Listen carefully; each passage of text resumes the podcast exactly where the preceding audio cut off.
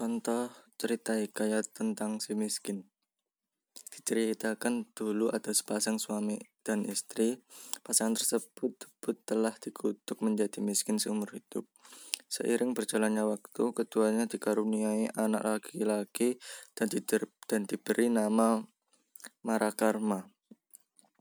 Anehnya setelah Marakarma lahir, pasangan suami istri tersebut malah hidup makin berkecupan.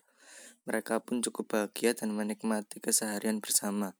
Sampai pada suatu hari, datangnya seorang ahli nujum atau peramal. Ahli nujum itu bilang jika anaknya yaitu Maruka, Marakarma pada saat nanti akan membawa sial pada seluruh keluarga tersebut. Sang kepala keluarga pun cukup ketakutan dan kepikiran dengan pendapat ahli nujum itu. Akhirnya sang ayah dengan tega membuang Marakarma ke suatu tempat. Namun anehnya kehidupan keluarga tersebut malah berbanding terbalik dengan pendapat sang nujum. Sepasang suami istri tersebut malah semakin miskin dan menderita sejak membuang anaknya Marakarma. Sementara itu, di tempat Marakarma dibuang, ia malah belajar banyak hal, namun masih buruk kembali menimpanya.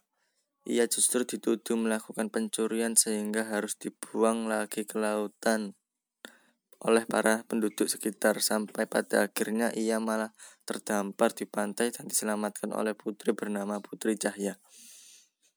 Sejak saat itu Malakarma ingin sekali pulang ke rumah orang tuanya. Selama perjalanan pulang ia terus ditimpa cobaan namun juga kadang menemukan banyak keberuntungan.